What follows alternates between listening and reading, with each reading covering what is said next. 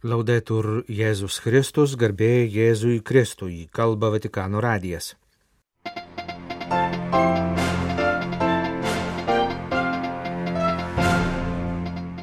Popiežius pirmadienio rytą prieėmė italą kunigą, padedantį žmonėms vaduotis iš nusikalstamos aplinkos. Popiežiaus valstybės sekretorius pasiuntė žinę tarptautiniam susitikimui, kuriame buvo aptariamas prezidento Zelenskio taikos planas Ukrainai. Vatikano ir Irano užsienio reikalų ministrai kalbėjosi telefonu. Per sekmadienį Marijos Palestinos karalienės šventovėje aukotas mišes Šventosios žemės tautos buvo patikėtos Dievo motinos globai. Labai sunkioje padėtyje pastaruoju metu atsidūrė ir pietų Libano krikščionys. Popiežius parašė pratarmę knygai apie ekologiją skirtai tėvams ir vaikams. Šiais metais per Kalėdas Šventojo Petro aikštėje bus įrengta Šventojo Pranciškaus prakartėlė.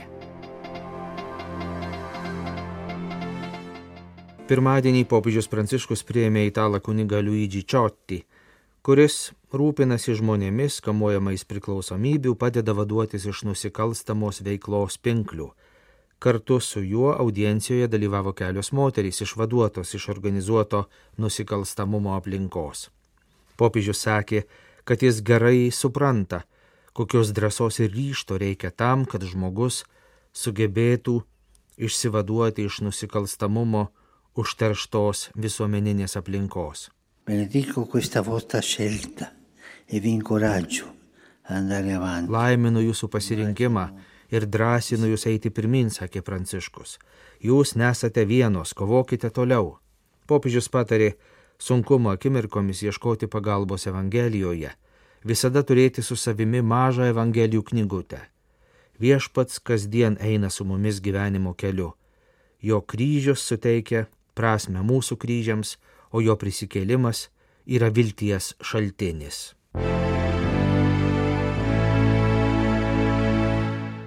Spalio 28-29 dienomis Maltoje vyko tarptautinė konferencija dėl prezidento Vladimiro Zelenskio taikos plano Ukrainai.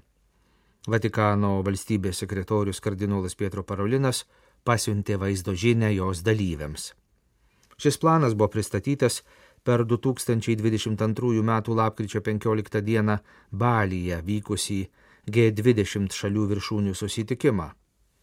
Jo esmė - tai visų pirma reikalavimas išvesti Rusijos kariuomenę iš visos Ukrainos teritorijos, suteikti Ukrainai tarptautinės saugumo garantijas ir nuteisti karo nusikaltelius. Šis planas vėliau taip pat buvo svarstomas šių metų birželio 5 Kopenhagoje ir rūpiučio 5-6 dienomis Džidoje.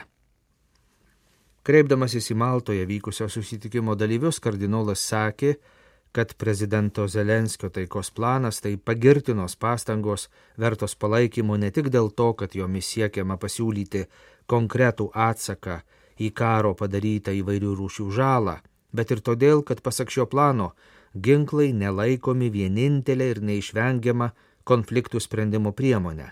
Šią pamatinę tiesą šventasis sostas nekartas skelbė karų akivaizdoje. Pasak kardinolo, Taikos Ukrainoje atkūrimas yra visos tarptautinės bendruomenės atsakomybė. Daug tarptautinių organizacijų stengiasi užtikrinti, kad Ukraina galėtų apginti savo teritorijos vientisumą, suteikti savo piliečiams saugumą ir būtiniausias pragyvenimo priemonės, pasiekti trokštamą taiką.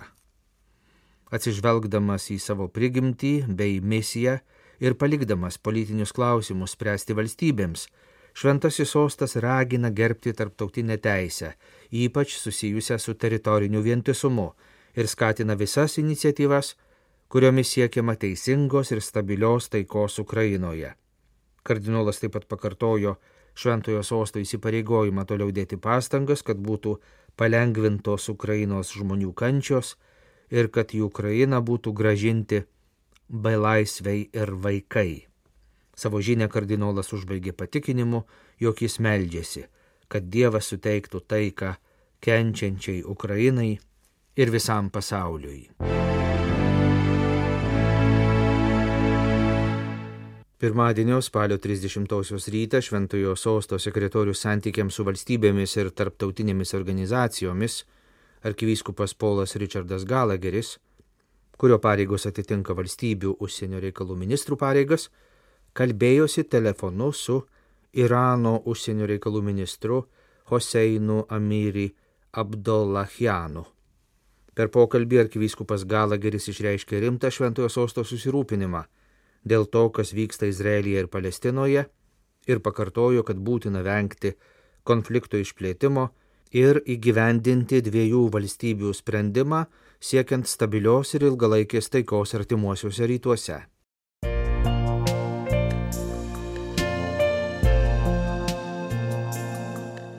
Jūs klausotės Vatikano radio. Tęsėme žinių laidą lietuvių kalba.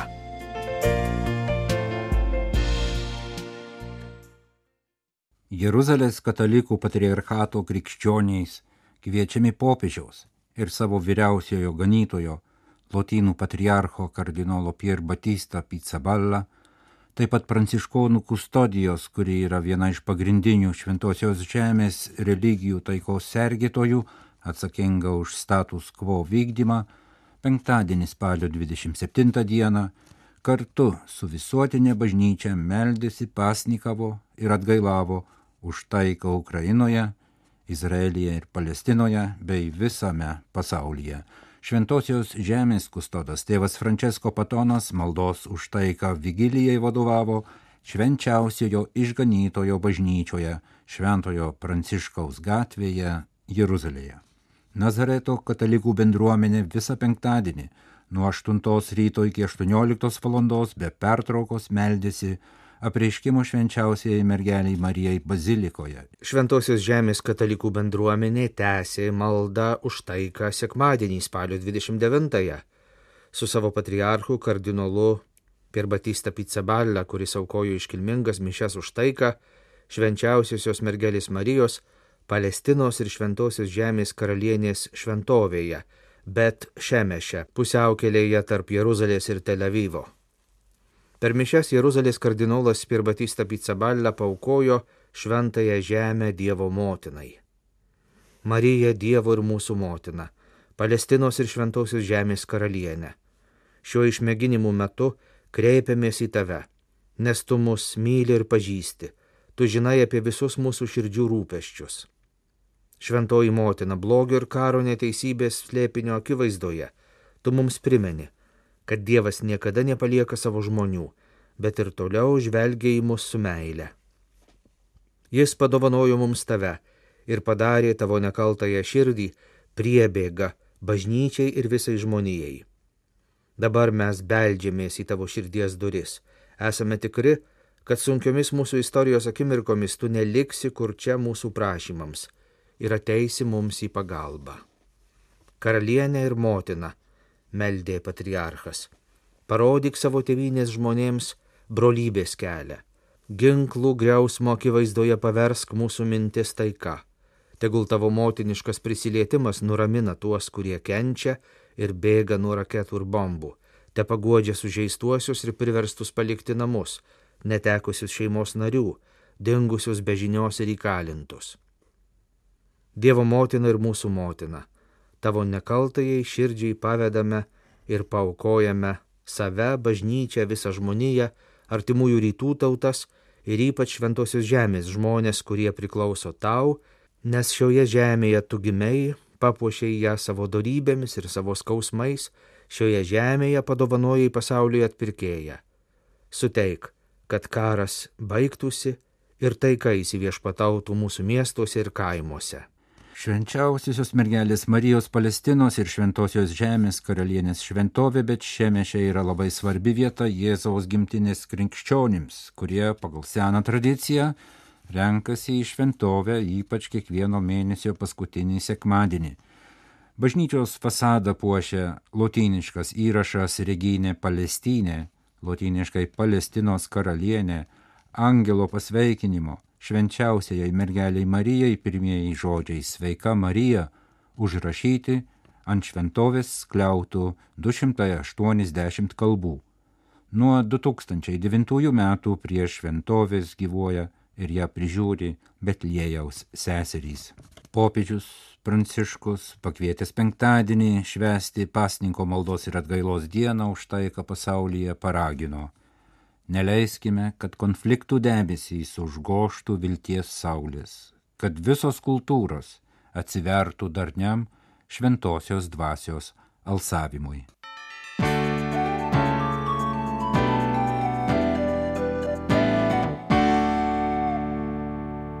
Tuo metu, kai daugumos dėmesys nukreiptas į Izraelį ir Palestiną, yra kitų teritorijų, kurios tiesiogiai palistos didžiausios naujųjų laikų krizės šventojoje žemėje, kurią sukėlė Hamas teroristinė ataka prieš Izraelį ir pastarojo atsakomieji smūgiai. Viena iš tokių teritorijų yra Libanas, kadaise vadintas artimųjų rytų perlų, o šiandien parklubdytas ant kelių kaimininėse šalise vykstančių konfliktų, skurdo, ilgametės politinės krizės. Šią nedidelę valstybę taip pat išbalansavo ko ne dviejų milijonų pabėgėlių atvykimas ir įvairių šalių teroristinė pripažįstamos Hezbollah organizacijos įsigalėjimas. Daugeliu požiūrių Hamas ir Hezbollah organizacijų tikslai persidengia, įskaitant priešiškumą Izraeliui, radikalų politinį islamizmą. Abi šios organizacijos yra remiamos Irano, abi naudojasi panašiais metodais.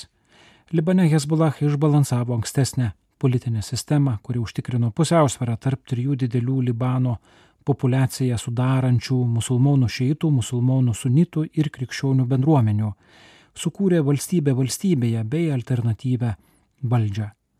Po spalio 7 dienos Hamas teroristinės atakos prieš Izraelį taip pat ir Hezbollah kovotojai iš Libano teritorijos pradėjo leisti raketas į Izraelio teritoriją. Izraelis atsakydamas sutelkė kariuomenę prie sienos ir kartas nuo karto smogė atgal. Tarp šių dviejų ugnių atsidūrė krikščioniška sala Libano pietuose, kurią formuoja keturios gyvenvietės - Rmeišo, Ain, Ebelio, Debelio ir Kuzacho miesteliai. Jie rizikuoja tapti islamistų skydų nuo Izraelio kontraatakų. Jau trys savaitės pasakojama krikščionių arabų žinių agentūros atsimena pranešime daug jų gyventojų nesumerkia akių naktį ir baiminasi, kad Izraelio ir pietų Libano pasienyje gali būti atidarytas antras frontas. Dalis gyventojų jau paliko šias gyvenvietės. Krikščioniško ir meišo miestelio meras Miladas Al-Amamas žinių agentūrai patvirtino, kad po krizės pradžios, kai dėl Hezbollah ir Izraelio kariuomenės susirėmimo bombos pradėjo kristi ir gyvenvietės prieigose iš jos pasitraukė apie 7 tūkstančius krikščionių marunitų, apie 3 tūkstančiai kitų liko, nes neturi kur eiti arba nori apsaugoti savo namus. Kaip tokiame kontekste galima eiti į darbą, daryti įprastus darbus, klausė jis. Tampa sunku įsigyti duonos, gauti vandens, elektros tikimas nulatos trukinėje, atrodo, kad žmonės palikti likimo valiai. Baimė šiandien dar didesnė nei bet kada anksčiau, pažymėjo pareigūnas, pasak kurio didžiulė drama ir tai, kad jo ir kitų pasienio miestelių krikščionių vaikai, tūkstančiai jaunuolių, jau trys savaitės kaip negali eiti į mokyklą ir rodos niekam tai nerūpi. Atsimena agentūra cituoja ir kitos apskrities krikščionių gyvenvietės Klajos, kuniga Rabicha Čueiri, kuris kreipėsi visus politinius ir religinius autoritetus, melzdamas neįtraukti pasienio į karinį konfliktą, nesinaudoti kaimeliais ir taikiais civiliais kaip skydais.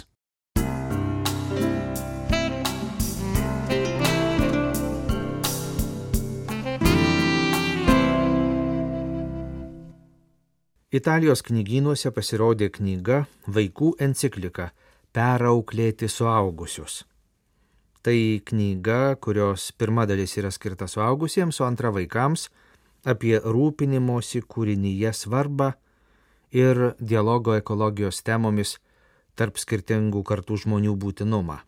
Popiežius Pranciškus parašė pratarmę. Pirmiausia, kreipdamasis į suaugusius, Pranciškus primena 1972 m. Birželio 5 d. Stokholme vykusią pirmąją didelę jungtinių tautų konferenciją aplinkosaugos klausimais, nuo kurios prasidėjo tarptautinės bendruomenės pastangos rūpintis mūsų bendrais namais. Nuo to laiko, Birželio 5, kasmet minima kaip pasaulinė aplinkos diena. Ekologija ir žmonių brolybė eina tuo pačiu keliu, rašo Pranciškus pratarmėje. Jei norime veiksmingai rūpintis mūsų planetos sveikata, pirmiausia turime atsiversti širdimi. Klimato kaitos reiškinys labai primiktinai primena mūsų atsakomybę. Klimato kaitos pasiekmes skaudžiausiai jaučia skurdžiausių pasaulio regionų gyventojai, kurie yra mažiausiai kalti dėl klimato kaitą sukėlusios atmosferos taršos. Tad būtinumas spręsti klimato kaitos sukeltas problemas - tai pirmiausia teisingumo, ne tik solidarumo klausimas. Klimato kaita taip pat reikalauja, kad mūsų veiksmai būtų grindžiami atsakingu visų bendradarbiavimu. Visi esame priklausomi vieni nuo kitų, dėl to pasaulis negali sauliaisti būti susiskaldęs į blokus, kurie izoliuotai gina savo interesus.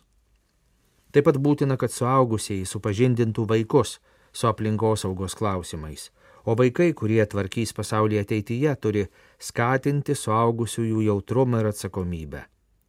Vaikai turi nepažeistą grožio jausmą, reikia leisti, kad jie kalbėtų suaugusiems. Galiausiai popiežius kreipiasi į pačius vaikus. Apkabinu jūs ir noriu, kad žinotumėt, kad jūsų senelis popiežius stengiasi daryti viską, kas įmanoma, kad jūs gyventumėte gražiame pasaulyje, sveikoje gamtoje.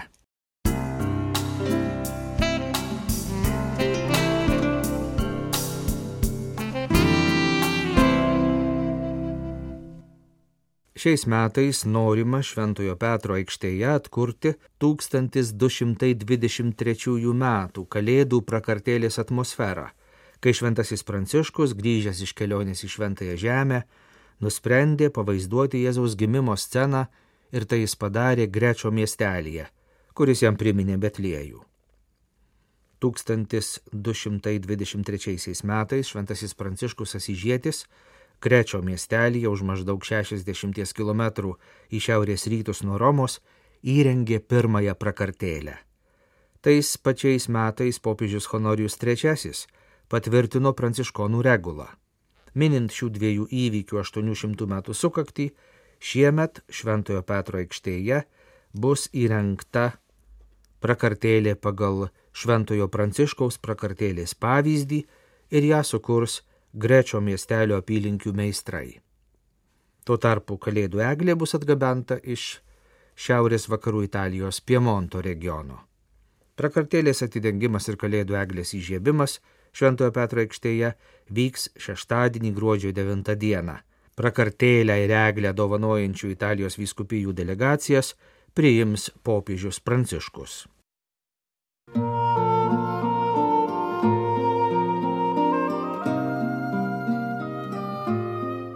Kalba Vatikano radijas. Mėlyjeji klausytojai, primename, kad Vatikano radio laidų jūs galite klausytis ne tik per Lietuvos radio kanalą Klasika ir Marijos radiją, bet ir per mūsų interneto radiją, kurio galima klausytis mūsų interneto portale.